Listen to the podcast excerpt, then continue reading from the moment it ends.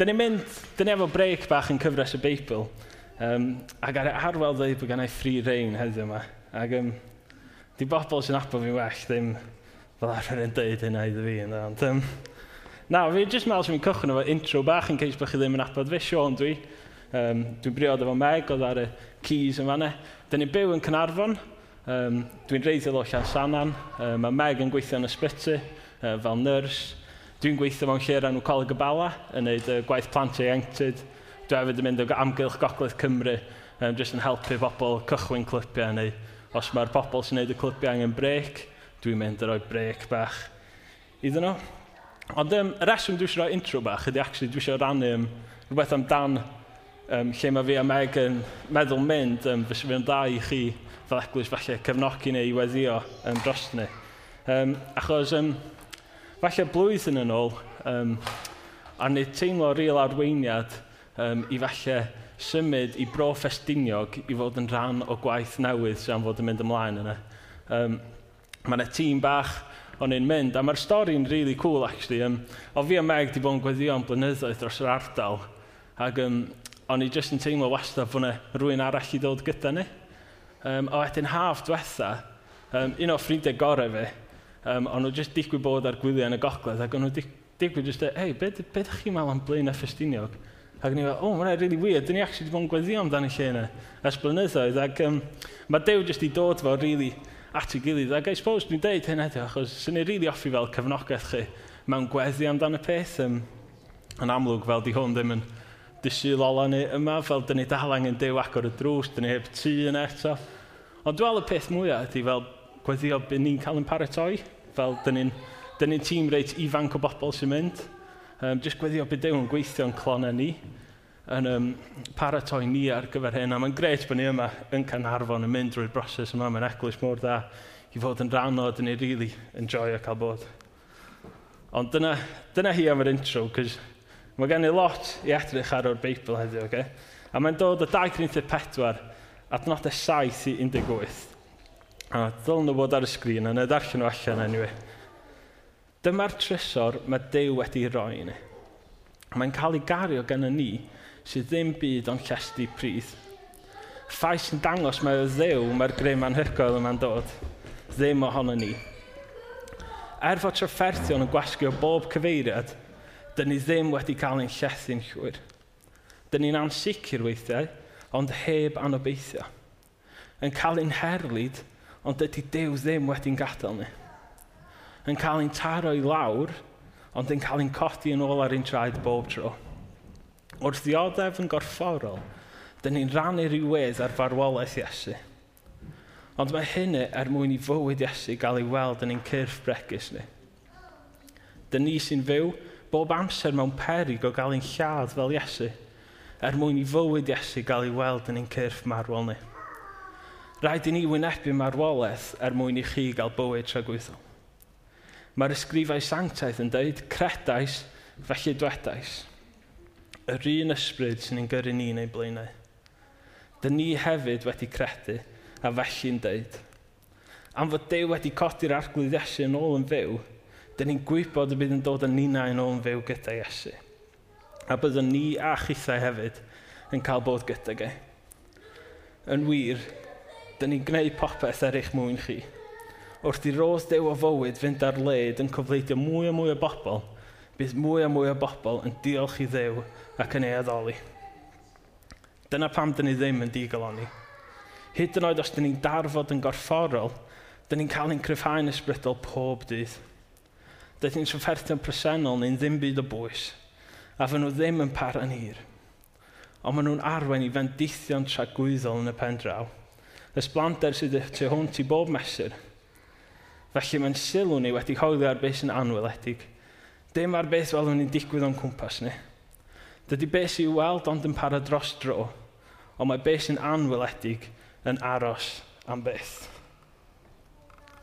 Diolch, dew am ei air ond e. Mae gennau nai bach o gyda'r enw Tom. A mae Tom yn hoci ffarm, a mae'n lyfio tractors, okay? a mae'n gweld nhw o hyd. Ond fel, diolch byth o'n i'n get over it. Fel, mae dal yn lyfio nhw bob un tro. A dim mawrth, o'n i'n pwchelu ac o'n i'n fynd efo'i siop, fel toy shop, oedd efo fel section tractore. Wel, tractors, actually, ddim tractore, sorry. Nac, oedd o jyst yn mynd o un i llach, oedd o, waw, waw, waw. Oedd o hollol fel methu get over it, more overwhelmed gan o fe gyd. Ac os dwi'n honest, fel hefo'r darn yma, Dwi'n teimlo bod yn gallu bod, mae'n llwyth o gwirioneddau yn fo i gyd, a dyna ddim gan loads o amser heddiw. A dwi jyst mynd i rannu reis sydd wedi rili really sefi allan iddo fi, ond croeso chi mynd adre darllen yr os ydych chi'n gweld beth sy'n wawio chi fe efallai wahanol. Ond um, dwi'n mynd i gychwyn hefo adnod 11, achos dwi'n mynd un sy'n sefyll allan. Um, Dyn ni sy'n fyw bob amser mewn perig o gael ein lladd fel Iesu. A dwi'n gwybod, mae hwnna falle'n un. Fes fi fel arfer falle jyst yn brysio drosodd fel, well, actually, yn Cynarfon, dwi ddim. Fel, dwi'n gwybod bod fi'n pregethu o flaen chi heddiw, dwi'n gwybod mae Sean Jones probably mynd i textio fi pob beth dwi wedi cam treiglo. Ond fel, dwi ddim yn poeni am bywyd fi. Fel, dwi ddim yn meddwl na gael fy lladd am hyn. Neu fel hefo gwaith fi, fel yn mynd rownd yn neud clipiau felly. Fel, dwi beth yn poeni bod y plant yn mynd i droi arno fi. A fel, that's it. Fel, I mean, obviously maen nhw'n troi arno fi, ond fel, dwi ddim yn poeni am bywyd fi. Ond, fel, dwi ddim eisiau ni just brysio heibio hwnna, dwi, achos falle yn Cynarfon, falle dyn ni'n saff hyn, ond actually mae'r eglwys ar draws y byd ddim, ddim mor ffodus a dyn ni'n Cynarfon, a Dwi ddim eisiau bod ni just yn brysio heibio, achos mae Cresnogion Afghanistan yn darllen hwn heddiw, ac maen nhw, wel, na, falle bod hwn yn rheol y Burkina Faso, yr un peth. Gymaint o letydd lle Mae jyst dweud bod ti'n caru Iesu'n ddigon i bywyd sef bod ar ben. A fel, dwi ddim eisiau ni fel eglwys teimlo, wel, os dwi ddim i ni, wel, gallwn ni fynd teipio na, achos mae gen ni cyfrifoldeb y does, fel, pryd ni'n cychwyn lawr y llwybr o bod ni ddim efo cyfrifoldeb dros brodyr y chwiorydd ni, dyn ni'n cychwyn rhywle lle sgan ni fel eglwys ddim busnes bod yna. A falle fel drwy codi ymwybyddiaeth, codi arian, codi'r llefydd mae mewn gweddi, fel mae gan yn ei le, mae hwn yn relevant iddyn ni heddiw, so fi ddim eisiau fel brysio heipio fe, yn teimlo bod rhaid just dod fel fyny. Ac um, mae'n big thing yn dweud bod yn fod yn rhoi pob peth dros beth dyn ni'n gredu. A falle dyn ni'n meddwl, dyn ni'n just fel, pam, pam fydd y bobl yn fod yn wneud hyn? A dwi am ar cliw yn adrodd saith i'n hynny. Ac y thema bore yma, dyma'r trysor mae Dyw wedi rhoi ni. Mae pobl yn fod yn rhoi pob peth Oherwydd maen nhw'n gwybod fod Dew gyda'r trysor yma ar ei gyfer nhw. Dwi'n hoffi watch y raglen rhan o Storage Hunters. Ac um, falle ydych chi'n gweld o. A fel basically beth ydych chi'n gweld fel warehouses mawr na, ydych chi'n talu stori o stwff chi. Wel, os ydych chi'n stop y talu, mae gen y bobl yn y hawl gwerthu stwff chi.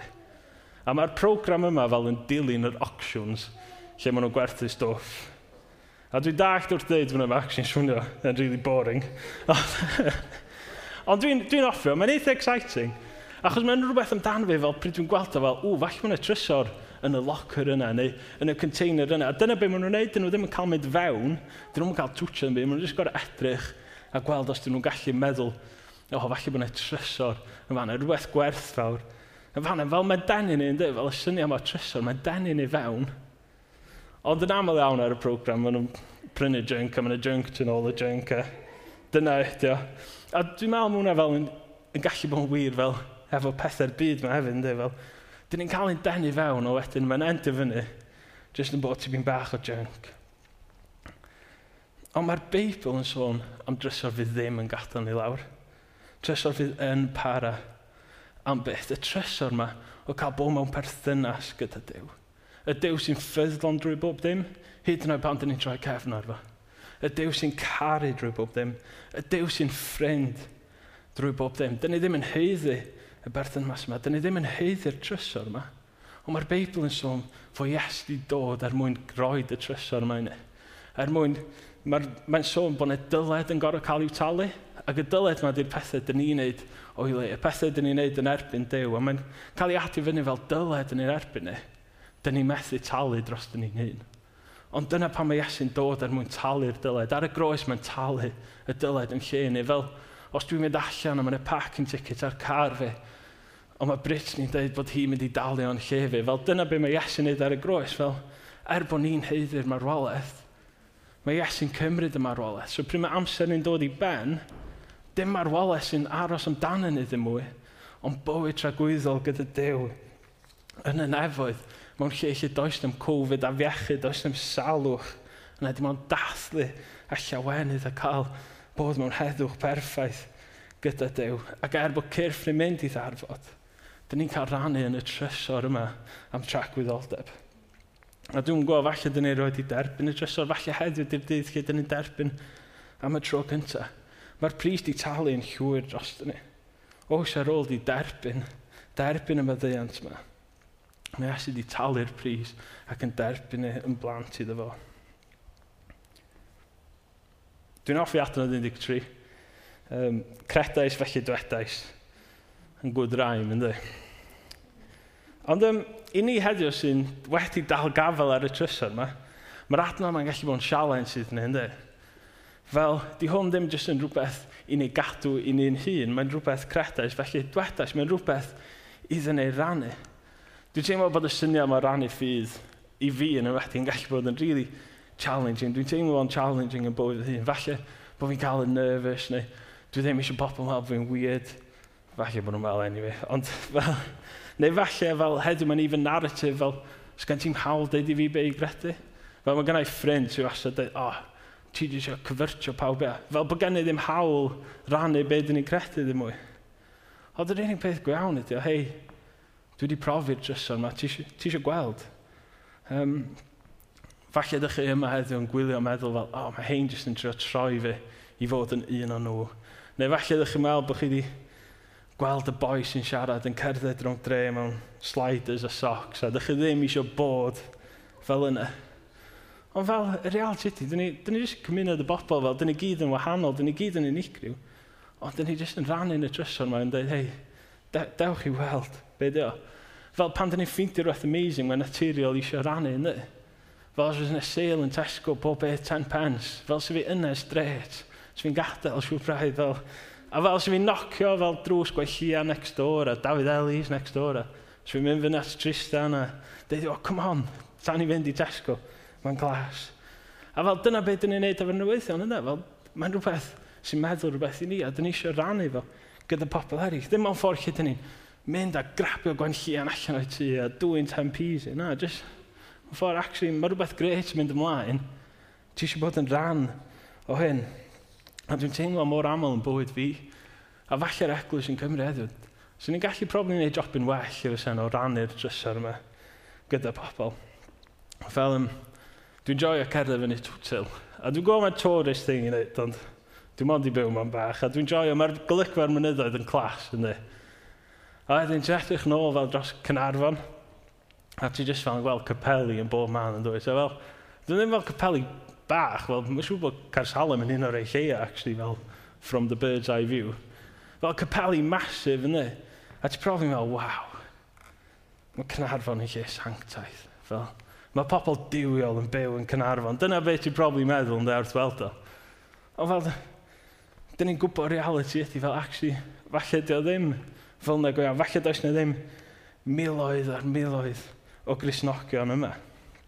Um, ond be os mae un o'r resymau dros yna ydy bod ni fel grisnogion just, ddim yn rannu'r drysor yma um, fel, ni, fel mae Dyw yn galw i ni. Fel, dyn ni wrth yn bod yn byw yma, dyn ni yn gweddio fel bydd mwy o bobl yn y dre yma yn dod i'n abod yr arglwydd. A falle bod hwnna jyst yn cychwyn gyda ni, jyst yn cychwyn mewn gweddi ac yn mynd allan a jyst dweud, hei, Mae yna trysor. Ti eisiau gweld? Ti eisiau bod yn rhan o beth gen Dew ar ein gyfer ni. A mae'n cychwyn mor hawdd yna. Sym rhaid chi eisiau union geiriau yn yr amlwg, ond jyst bod ni'n barod i ddod i Iesu fewn i'n sgyrsiau ni.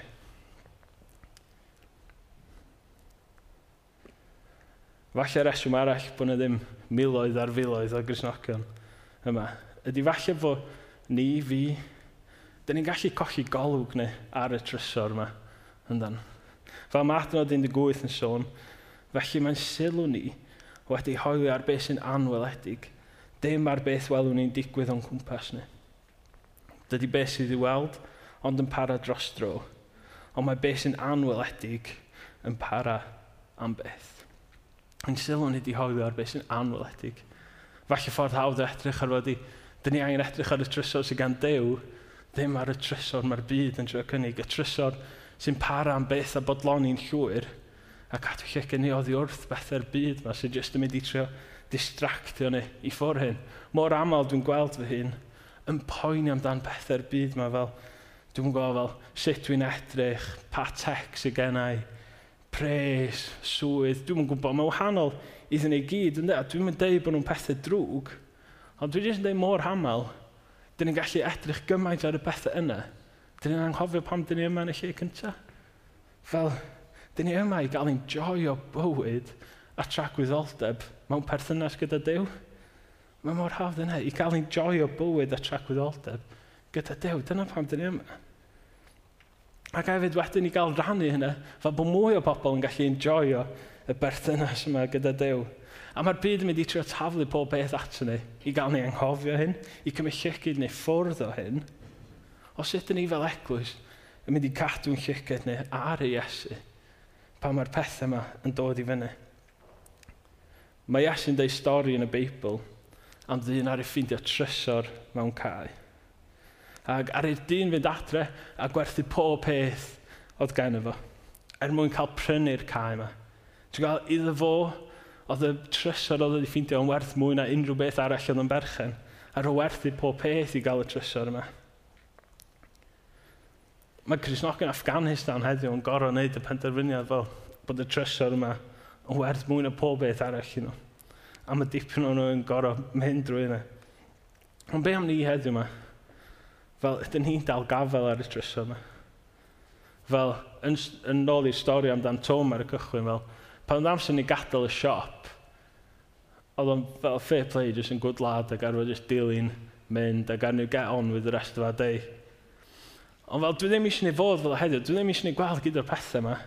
A dwi'n bod, oce, okay, off, on i'r siop nesaf, cynio yn barod. Fel, dwi ddim eisiau ni gadael y trysor yma ar y shelf. Sut ni heddiw yn mynd i cymryd y trysor yma adre gyda ni?